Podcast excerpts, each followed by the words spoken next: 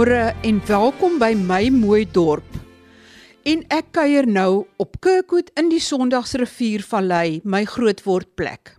Hierdie program is daarop gemik om dorpe te help om weer modeldorpe te word. Die meeste probleme by enige dorp is nie uniek aan daardie dorp nie en dit kom mens baie gou agter as mens met mense begin gesels. Deur die werklikhede van Kirkwood en die res van die Sondagsriviervallei aan julle uit te wys, probeer ek die spieël na elke liewe ander dorp op te hou. Want soos ek gesê het, niks is uniek nie. In vandag se program gaan jy hoor van probleme, maar jy gaan besef hoe baie welwillendheid en goeie mense daar is wat wil help. Ook in jou dorp is daar sulke helde en heldinne. Identifiseer hulle, gesels met hulle en kom so agter wat die werklike probleme en oorsake van die probleme is. Want as die gemeenskap jou help om die ware probleme en oorsake te identifiseer, kan die gemeenskap jou help om ook die regte oplossings te vind. Ek gesels nou verder met Manet Bosman, een van die raadslede van die Sondagsrivier Vallei munisipaliteit. Julle het verlede week gehoor hoe die sitrusboere wel reeds help, maar ook dat meer as 80% van die dorp se water verbruik word sonder dat daarvoor betaal word. Ook van die onwettige kragverbindings en beslis ook van die slaggate. Soos ek gesê het, Niks is werklik uniek aan een spesifieke dorp nie. Waar word die geld dan spandeer as net 1% vir infrastruktuur en standhouding gaan terwyl 'n munisipaliteit eintlik voorgeskryf word dat hy infrastruktuur in stand moet hou? Die voorgeskrewe persentasie is dat dit min of meer 8% van jou hele begroting moet wees. Wat nog steeds vrek min is. Dit is min, maar dit is nou, jy weet, dit is wat voorgestel word. Ongelukkig kom ons nie naaste by eers by daai vrek min 8% nie. Gelde word spandeer aan die verkeerde dinge. Ons het konsultante gekry wat ons annual financial statements opstel. Waar ek glo ons mense wat vir ons werk moet eintlik so gekapasiteer wees dat hulle dit self kan doen. Dat ons nie konsultante daarvoor nodig het nie, want dit is groot bedrag geld wat uitgegee word aan konsultante. Dis iets wat ons probeer stop, maar dit is baie makliker om 'n konsultant aan te stel om die werk te doen as dit lyk my om dit self te doen. En dis 'n hartseer situasie want ek voel partykeer word munisipaliteite gemeld. Maar dit was ook vir my interessant dat baie van die raadslede op die Sondagsrivier Vallei munisipaliteit kom eintlik van PE en uit en na van buitekant af en dat hulle nie noodwendig die hele dag hier op kantoor is nie ek sal nie noodwendig sê dat dit die raadslede is wat van buite af kom nie. Dit is wel ons mense wat by die munisipaliteit werk. In ons kantore wat nie van Kirkwood af aangestel word nie. Hulle kom van P, hulle kom van Besho, hulle kom van die wêreld vol en meeste gaan bly dan in Uitenaag. Hulle voel nie wat ons wat hier bly voel nie en dit is as ons die probleem dan nou ervaar Hulle ervaar nie daai probleem nie. Dit is maklik om vanmiddag 4 uur in jou kar te ry en vanaand as daar nie krag of water is nie, jou skouers op te trek. Ek het al verbygery en dan sien ek as jy voor 10 uur verbyry en na half 3, dan is daai karre weg. Maar dit is waar die probleem inkom. Dis iets waarvoor ons al jare voor vra is vir gevolge bestuur. Iemand moet die leiers neem en dit is eintlik jou munisipale bestuurder. Hy moet die lisensie neem en hy moet seker maak dat half 8 is almal daar. As jy nie daar is nie, moet jy 'n waarskuwing kry. En dat jy nie voor 4 ure in die middag die jou kantoor verlaat nie en dat jy dan natuurlik werk daai hele tyd. Ek dink nie daar is op hierdie stadium die wil om gevolge bestuur toe te pas nie. Daar kom mense kom weg met baie Maar so ook met soos ek weer eens moet sê, ons het met fantastiese mense ook in daai kantore wat hulle alles gee Maar dit soos jy sê, een slegte appel in die mandjie maak die hele mandjie vrot op die ou einde. Hmm, ek dink as daar meer is een ou vrot appeltjie daar, definitief. Maar ehm uh, kom ons kyk aan na die volgende want ek kan ook ure lank met Menet gesels en glo my, daar's baie dinge wat nie regloop nie. Ek het ook gesien by die kanale is daar sekere heininge wat omgesit word vir veiligheid van die kinders wat naby die kanale is, maar woets, as jy weer sien dan's daai heining opgesit by 'n huis sommer oor kan die straat. Het hy 'n nuwe heining, maak nie saak of die kinders of die beeste of wie ook al in die kanaal val nie. En dit is net nog een van die goed en ek hoor ja. julle moes alself daar gaan beeste uithaal het. Ja nee, ek het um, gewoonlik ek spot altyd hier teen die 12de Desember is daar 'n spesifieke bees wat elke jaar daai dag gaan swem. Hmm. En gewoonlik ek meen die mense stel my baie vinnig in kennis.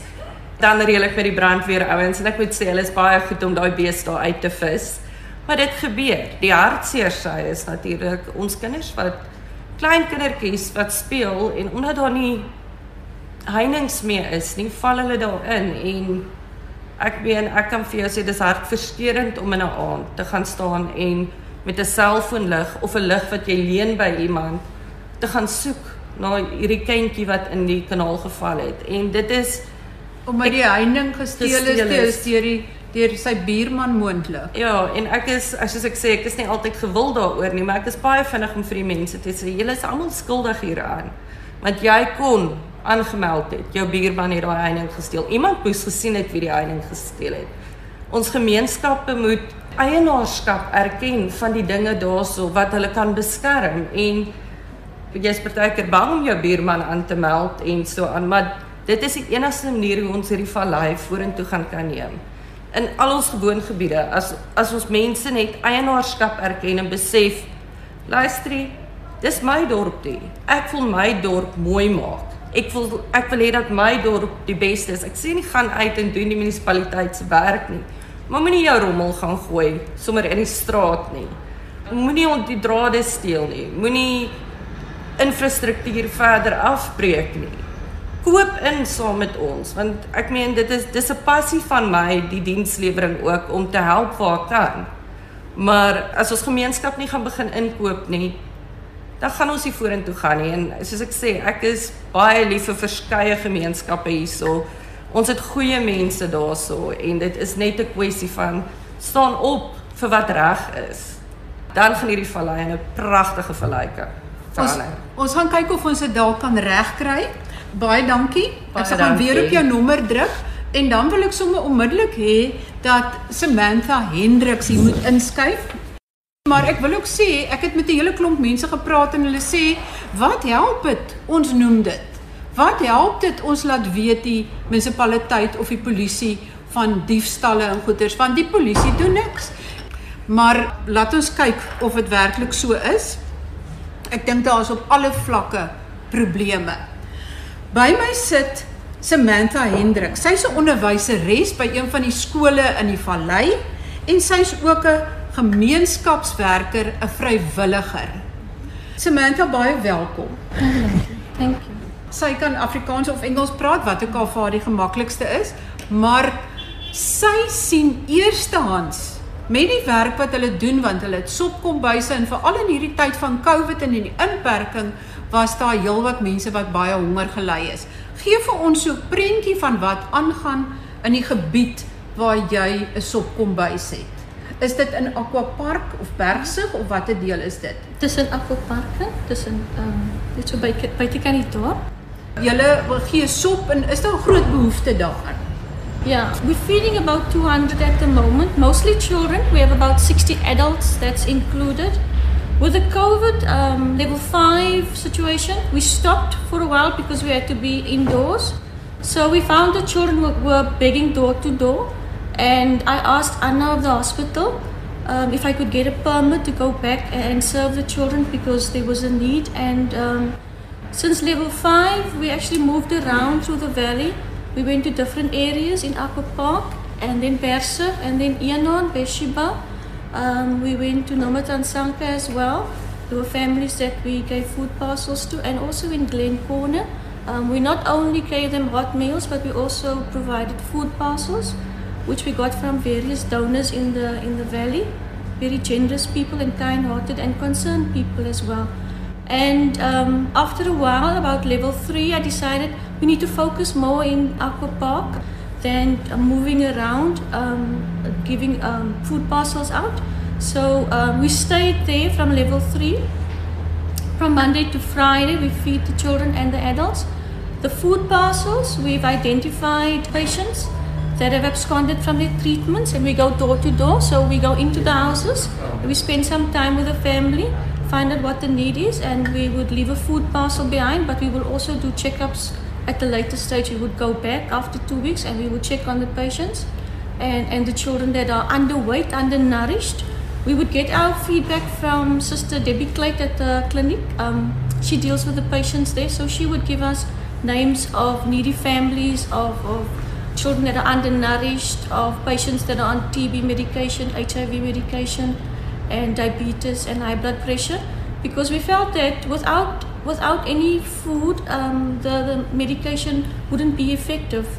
So um, we would go in there. We still do as well, um, up to date, and um, basically that's what we do. But we do find other problems as well. There's a lot of abuse.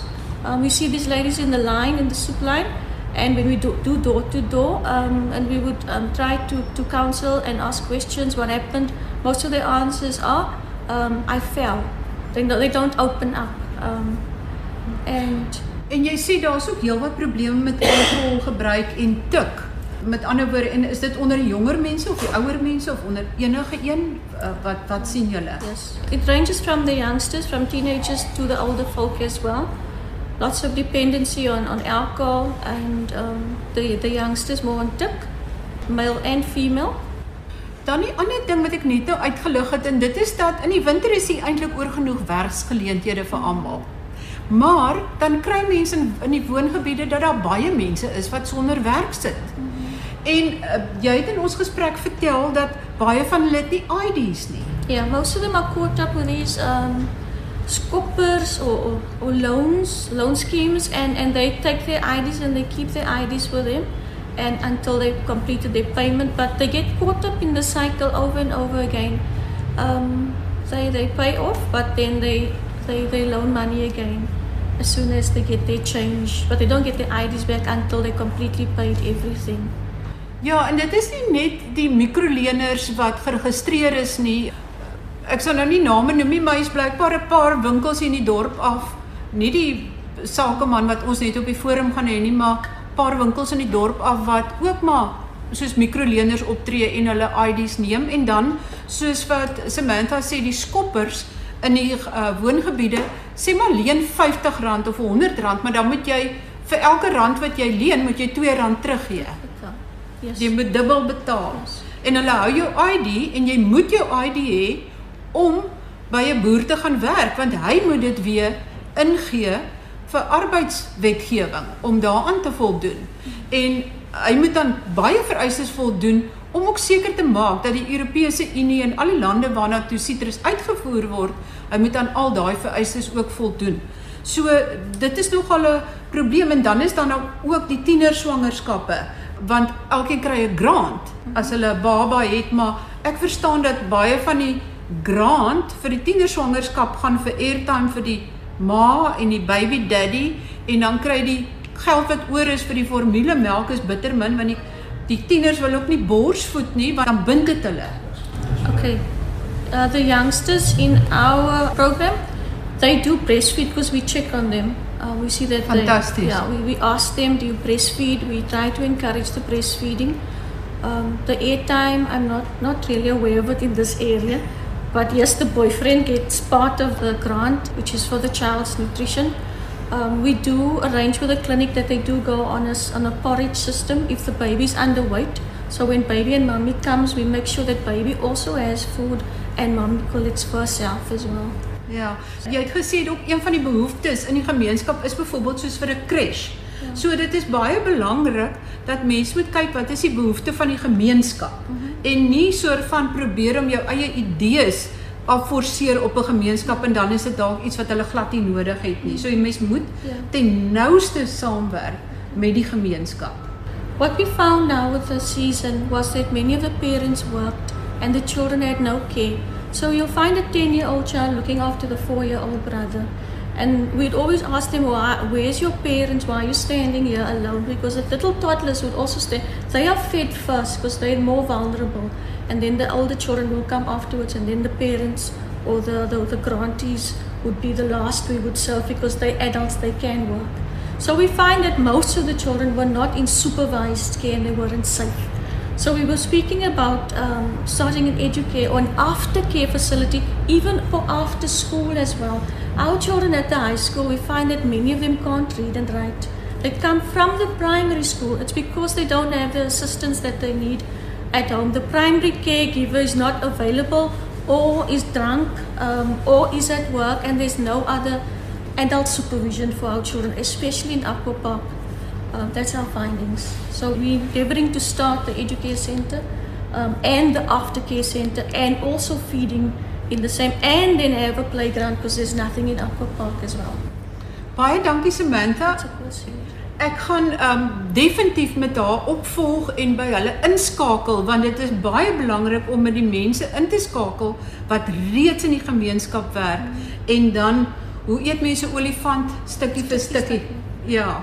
Wat ons ook uitvind by my skool is many of our children leave school at grade 10 level. They can't progress. They stay at home. They become delinquent. There's no um, skills-based programs in the area for the youngsters. So they drop out and they stay at home and they become delinquent or dependent on alcohol. Ja, ek gaan definitief in 'n opvolggesprek dit vir Samantha en 'n man wat ook 'n onderwyser is, gevra hulle moet van die mense bytrek sodat mense kan identifiseer wat is die werklike behoeftes en wat kan 'n verskil maak en wat het die gemeenskap self nodig. So, ons gaan definitief in 'n verdere gesprek gaan ons verder opvolg. Thank you. Baie dankie. Moenie dink daar's net probleme nie. Ek kan rapporteer dat die munisipale bestuurder en die finansiële hoof van die Sondagsrivier munisipaliteit baie ernstig is om die wanbesteding te stop.